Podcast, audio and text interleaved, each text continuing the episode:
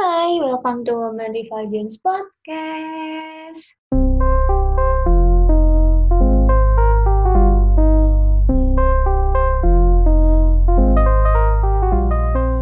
Yeay. Hai, balik lagi sama aku Rara dan partner setiaku Nabila. Di episode minggu lalu, kita sudah membahas tentang body image, yaitu meliputi definisi dan juga faktor-faktor apa sih yang mempengaruhi adanya body image itu gitu.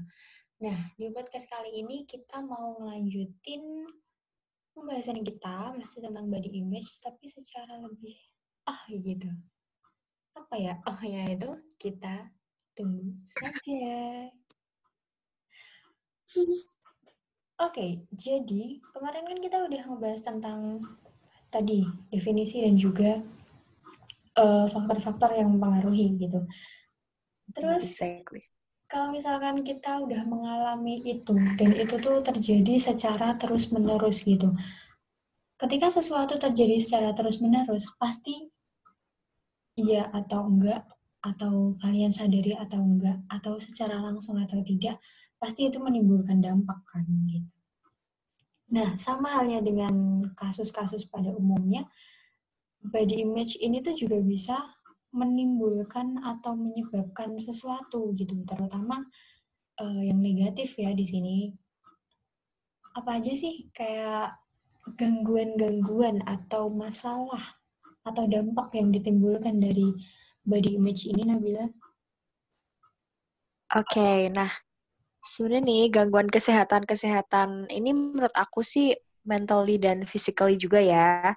Itu ada tiga secara umum yaitu ada bulimia, nervosa, depresi, dan juga anoreksia nervosa. Nah, kita akan jelaskan satu persatu nih. Yang pertama adalah bulimia. Nah, sebenarnya penyakit bulimia ini tuh nggak asing sih ya di mata uh, para orang-orang yang udah expert dalam hal psikologis gitu kan. Nah, pengidap bulimia ini menunjukkan kehilangan kontrol saat makan dalam porsi yang besar dan dalam waktu yang singkat. Kemudian, pengidapnya akan mengerahkan segala kemampuan diri mereka untuk membuat asup, eh, membuang, sorry, membuang asupan kalori dengan memaksakannya dengan dimuntahkan atau dengan olahraga matematika penyalahgunaan obat pencahar karena mereka tuh tetap pengen makan tapi nggak pengen makan itu terserap ke dalam tubuh karena mungkin takut semakin gendut lah atau mungkin akan berpengaruh kepada berat badan mereka, bentuk fisik mereka dan lain sebagainya gitu kan. Nah, gejala emosional bulimia ini termasuk uh, sikap kurang percaya diri yang udah parah banget menurut aku pribadi juga sih karena itu sangat-sangat berpengaruh ke fisik kita juga kan.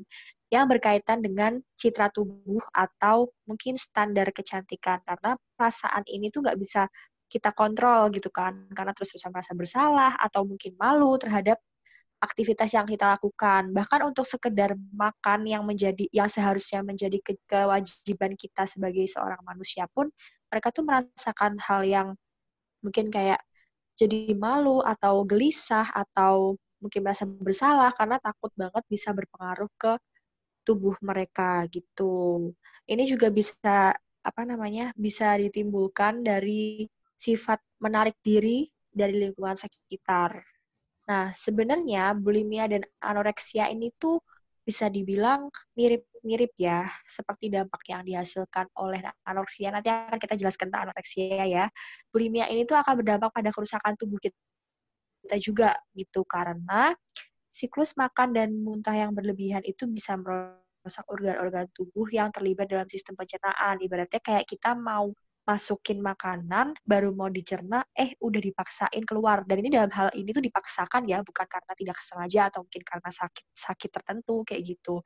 Nah ini kan otomatis sih berarti kayak baru mau mencerna tuh organ tubuhnya tapi tiba-tiba ditarik lagi makanannya keluar. Otomatis kan dia jadi tidak bisa mencerna makanan itu dan malah jadi istilahnya kayak hmm, merusak organ tubuh itu sendiri gitu tidak sesuai fungsinya gitu kan. Terus bisa juga berdampak pada gigi yang rusak akibat abrasi dari muntah itu. Karena kan muntah itu kan asam ya. Jadi itu bisa berpengaruh juga terhadap gigi. Terus habis itu bisa juga ke mah atau asam lambung asam lambung. Mungkin kalau yang punya asam lambung ya itu juga bisa berdampak gitu kan.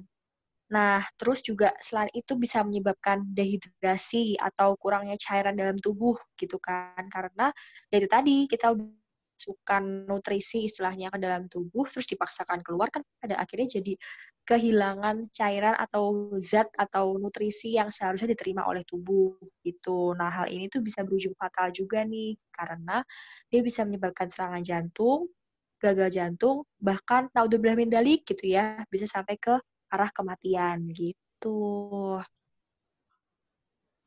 Nah, gangguan kesehatan lainnya uh, akibat body image ini juga bisa yaitu yang kedua adalah depresi. Gitu.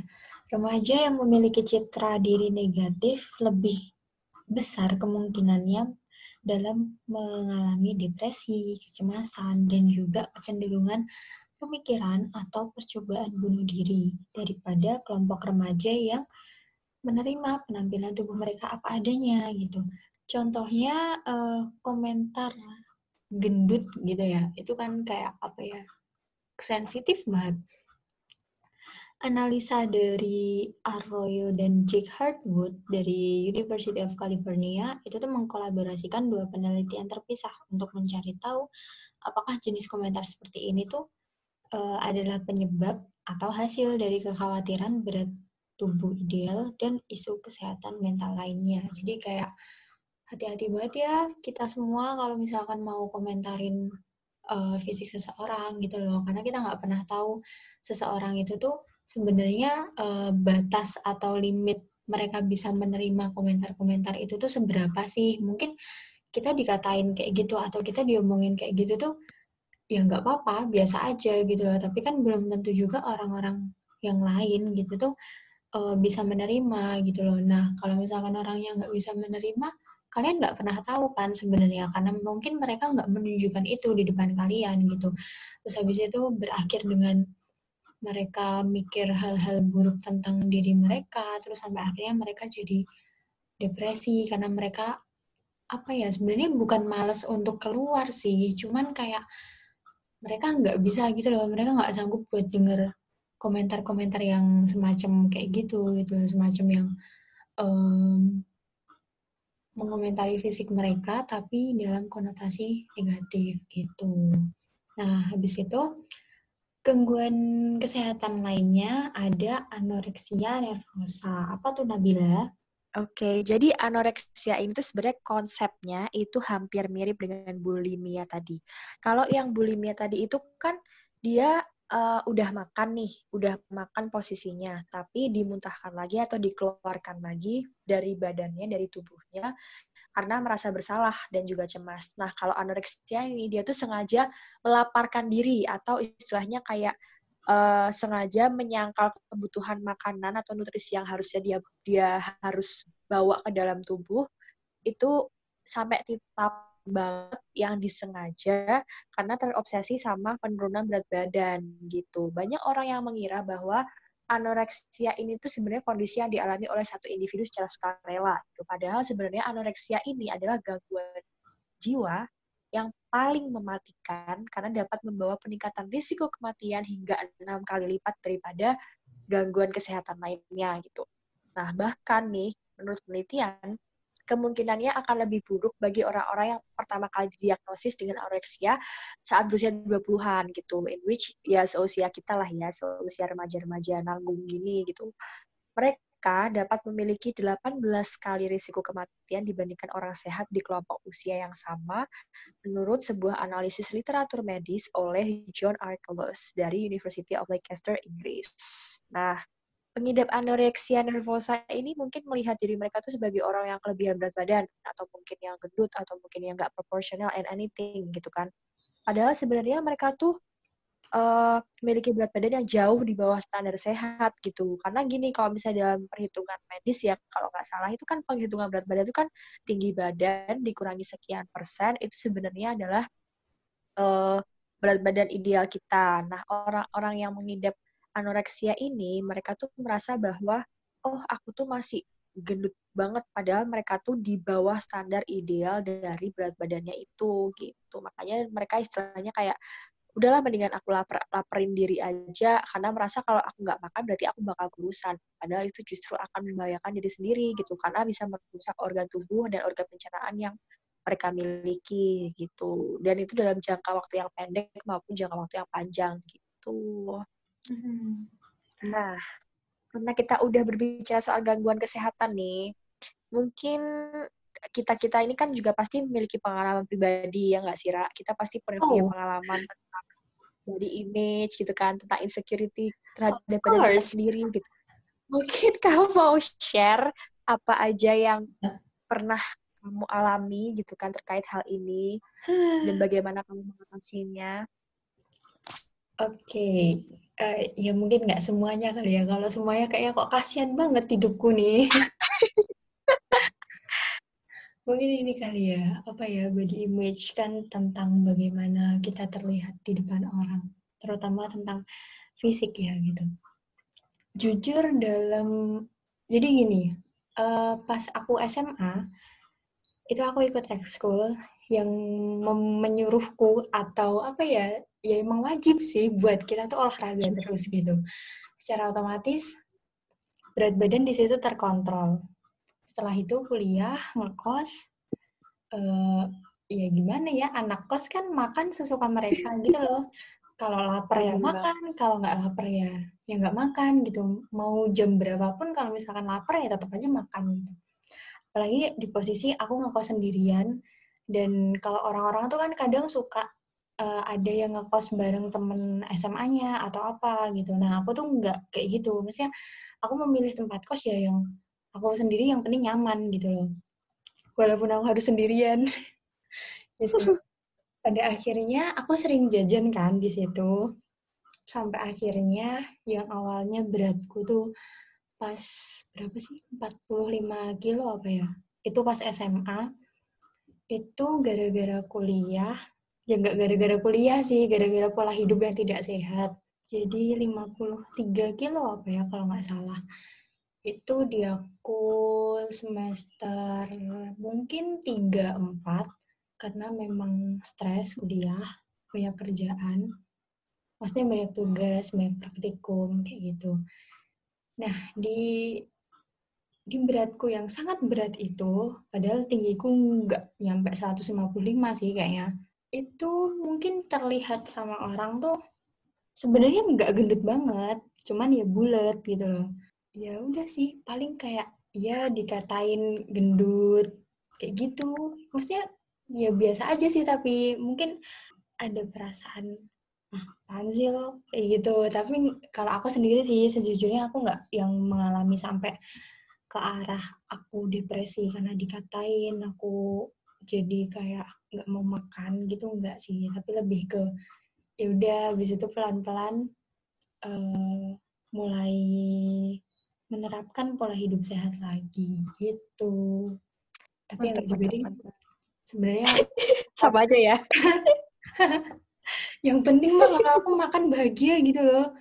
Gak, ya bener banget. sehat itu, gitu iya uh, terus di situ sekarang sekarang aku bisa turun lagi balik balik lagi ke 45 43 kayak gitu tuh sebenarnya juga bukan karena aku yang menyiksa diri dengan diet gitu enggak sejujurnya enggak sama sekali tapi karena sakit hati guys enggak ding bercanda eksplisit nih Nggak, nggak bercanda. Ini karena emang susah makan aja, guys. Gitu. Kalau kamu ini Bill, gimana Bill? Ada cerita apa? Aduh. Apa nih? Aduh, kalau cerita cerita aku tuh juga banyak banget sih ya dan ini tuh pasti berkaitan dengan orang lain gitu. Tapi kalau aku boleh cerita sedikit nih, kita throwback dulu nih ke zaman-zaman aku masih lahir, baru lahir. aku tuh emang udah terlahir raksasa gitu. Dari bayi itu tuh emang udah lahir berapa ya? Sekitar 4, sekian kilo yang mana itu tuh berat badan yang dikata orang tuh kayak lebih dari normal gitu, abnormal gitu katanya. Karena ya bayi gitu loh, maksudnya mereka idealnya 3 sampai tiga setengah kilo, sementara aku 4, sekian lebih sampai keluarinnya susah kata ibuku kan, terus habis itu pada akhirnya saat pertumbuhan aku ketika aku masih bayi, terus batita, balita, habis itu mungkin udah mulai sekolah-sekolah, bahkan sekarang sampai kuliah, itu itu sangat mempengaruhi karena dari dulu aku tuh nggak pernah mengalami yang namanya kurus. For your information nih ya, nggak hmm. pernah sama sekali yang nama, namanya mengalami kurus atau langsing. Pernah sih mengalami ideal, cuman kalau bisa dihitung dari segi masa apa ya IBM ya kalau nggak salah masa badan itu loh, itu hmm. tuh aku masih belum mencapai titik normal atau ideal karena aku tuh termasuk orang yang dulunya itu pendek, tapi setelah aku uh, masa pubertas, tiba-tiba aku jadi tinggi. Iya, dulu aku SD tuh pendek, cuy. Kayak literally terpendek dibandingkan teman-temanku. Tapi ketika aku SMP, itu udah mulai ideal tingginya. Tapi ketika SMA, itu kan aku udah mulai pubertas ya. Maksudnya udah mulai apa ya ya pubertas gimana sih gitu kan. Nah itu tuh aku langsung melejit tingginya jadi 168 cm wow udah gendut terus tinggi gitu kan. Pasti kelihatan bongsor banget nih gitu. Nah sebenarnya kalau untuk masalah body image tuh aku dulu insecure-nya lebih karena cowok sih ya. Yeah. ini eksplisit banget. Ini nggak jangan dipotong ya ini jangan dipotong. Ini harus harus dicurhatin gitu. Nggak bisa gue nahan Iya sebenarnya body image tuh lebih ke kena urusan cowok sih. Kalau urusan personal kayak pengen kayak model, pengen kayak artis, pengen kayak public figure, aku alhamdulillahnya belum pernah ya karena aku menyadari mereka kan punya duit ya otomatis mereka pasti bisa lebih punya effort yang lebih tinggi lah dibandingkan kita-kita ini gitu kan. Nah, kalau aku dulu tuh masalahnya karena cowok sih. Jadi aku pernah punya satu pengalaman agak pahit ya nggak cuma satu sih banyak banget sebenarnya kalau berkaitan sama hal ini. Tapi yang bikin aku bener-bener trauma sampai sekarang itu tuh karena um, aduh gue tuh gatel pengen cerita tapi gue nggak nggak sanggup. Jadi waktu itu aku tuh um, intinya pernah lah kayak dibanding-bandingin sama wanita yang lainnya gitu ya nggak perlu sebut merek lah, tapi mungkin ini terjadi beberapa tahun silam ya. nggak sekarang, alhamdulillahnya sih sekarang jangan sampai gitu loh. Jadi dulu tuh sering dibanding-bandingin sama cewek lain gitu, kayak, eh kamu diet dong biar kurus kayak si A. Jangan deh kayak si X. biar kurus kayak si X. biar langsing kayak si X kayak gitu. Nah, itu kan pasti kita jadi ngerasa kayak aduh jangan-jangan aku di mata dia nggak sempurna nih kayak gitu. Terus aku jadi kayak sering stalking si X ini kayak dia tuh emang sekurus apa sih orangnya? Secantik apa sih? Sebohai apa sih? Sebohai nggak tuh? Kan gue juga udah bohai. Jadi jadi tuh sempat ngerasain body image tuh justru kepada orang lain atau karena orang lain bukan karena diri sendiri. Tapi itu berpengaruh ke diri sendiri juga sih otomatis. Kan kita jadi merasa harus memaksakan diri kan. Nah sampai pada akhirnya waktu itu aku menjalani diet dan itu tuh dietnya diet yang ekstrim jadi literally nggak makan nasi cuma makan lauk doang itu pun makan sehari sekali. Tapi aku tuh dietnya nggak sehat gitu jadi diet itu bener-bener yang nggak nggak banyak minum air putih nggak banyak konsumsi sayur nggak banyak konsumsi buah. Ya literally lauk tuh lauk kering doang misalnya katakanlah ikan lele ya udah makan ikan lele doang tanpa nasi. Nah itu kan jadi sakit. Akhirnya dulu aku sempat masuk ke UGD tuh gara-gara itu ya untungnya sih nggak sampai dirawat.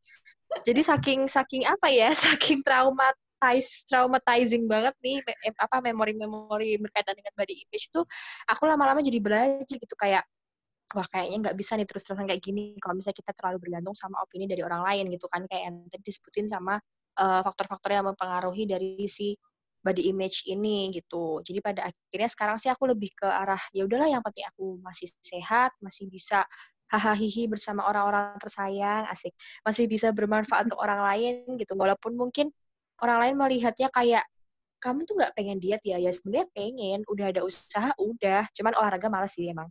Jadi kayak hmm, ya pengaruh diri sendiri juga gitu kan. Tapi sekarang lebih kayak lebih menikmati hidup aja gitu.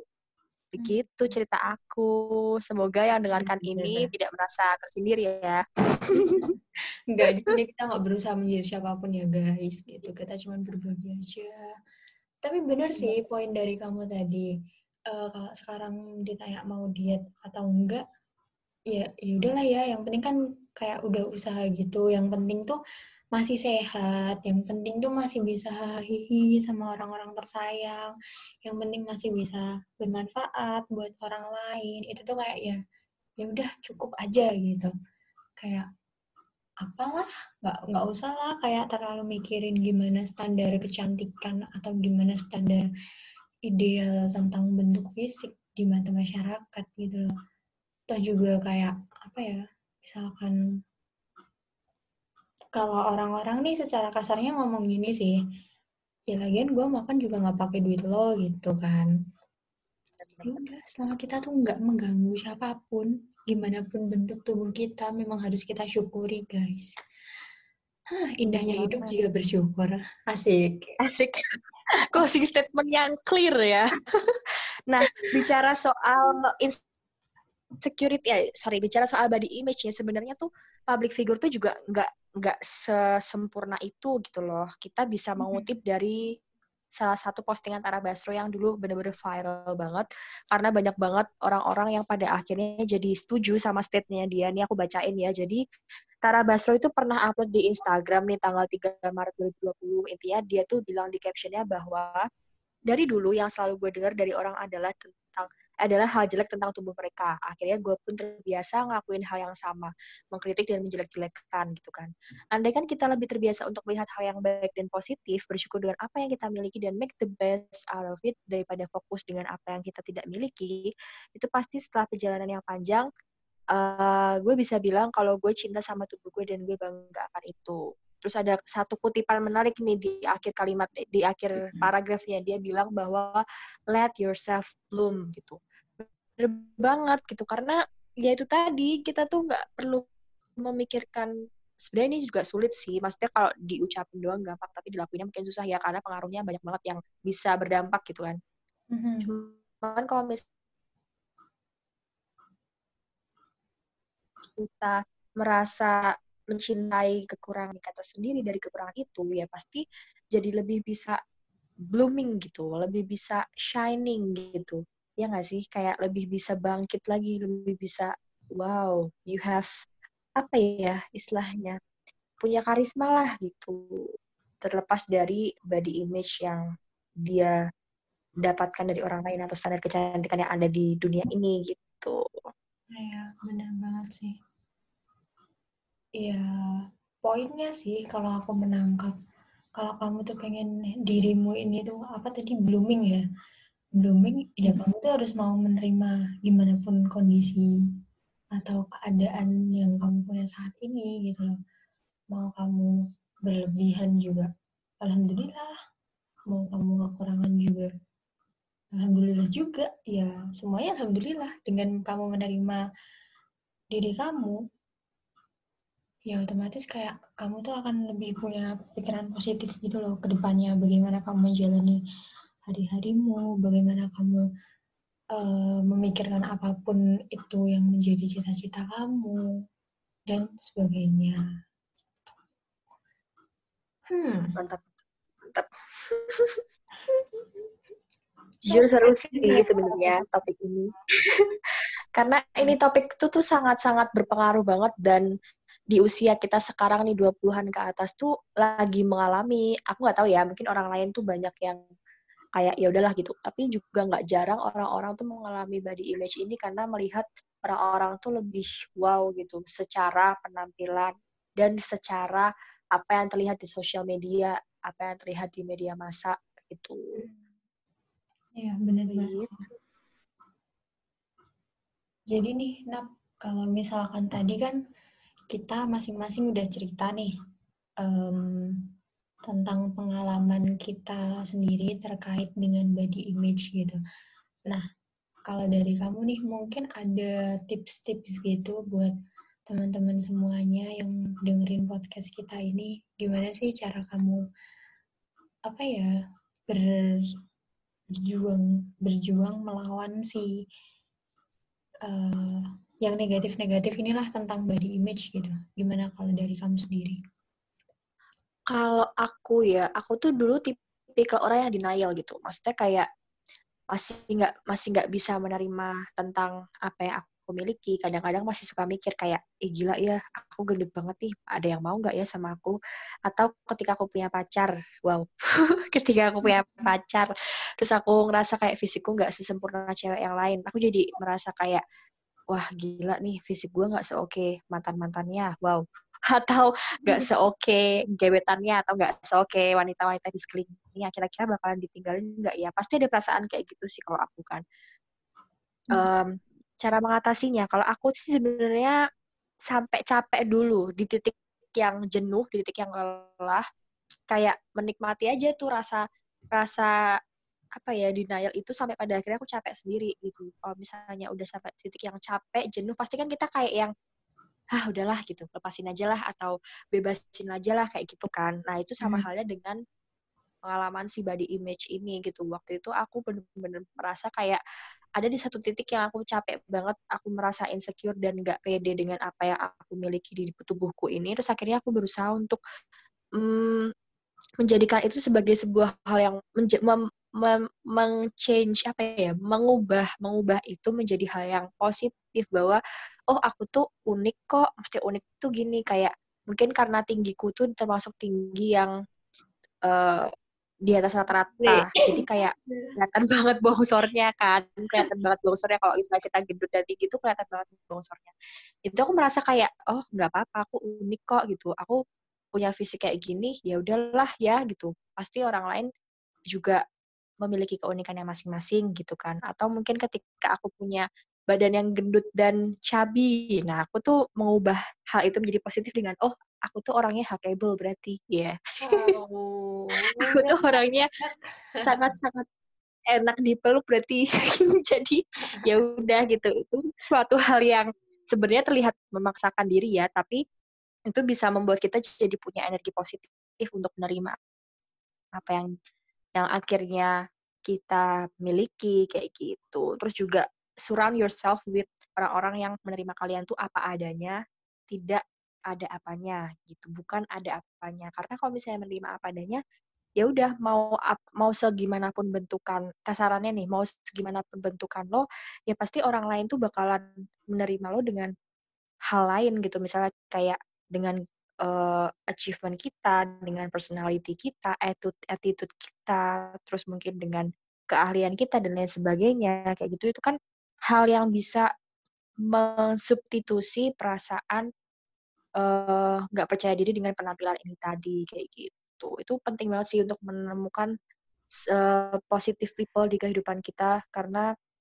mengurangi hal-hal yang negatif ini juga nggak cuma dari diri sendiri tapi juga butuh bantuan dari orang lain atau dari lingkungan sekitar kan gitu. Hmm. dan jangan lupa untuk tetap bersyukur gitu bahwa ya paling nggak kita masih diberikan kesehatan insya Allah normal semuanya masih bisa hahaha sama orang tua sayang masih bisa ini itu ya ya udah gitu. Why we have to apa ya why bother ya istilahnya kenapa kita harus memikirkan hal-hal yang nggak seharusnya kita pikirkan gitu asik jadi hati jadinya Mantap banget tipsnya Nabila. Boleh banget nih guys dicontoh tips dari Nabila. Nabila Teguh kali ya. Nabila Teguh. Ayah. Keren banget sih. Surrounding yourself with positive people. Wow, quotes Nabila 2020. Asik. Nayah ding, Nayah 2020. Yeay. Yeay. Di sini okay. apa? Kesimpulan. Oke. Okay. Oke, okay, jadi begitu tadi cerita tentang pengalaman terkait body image dari aku dan Nabila.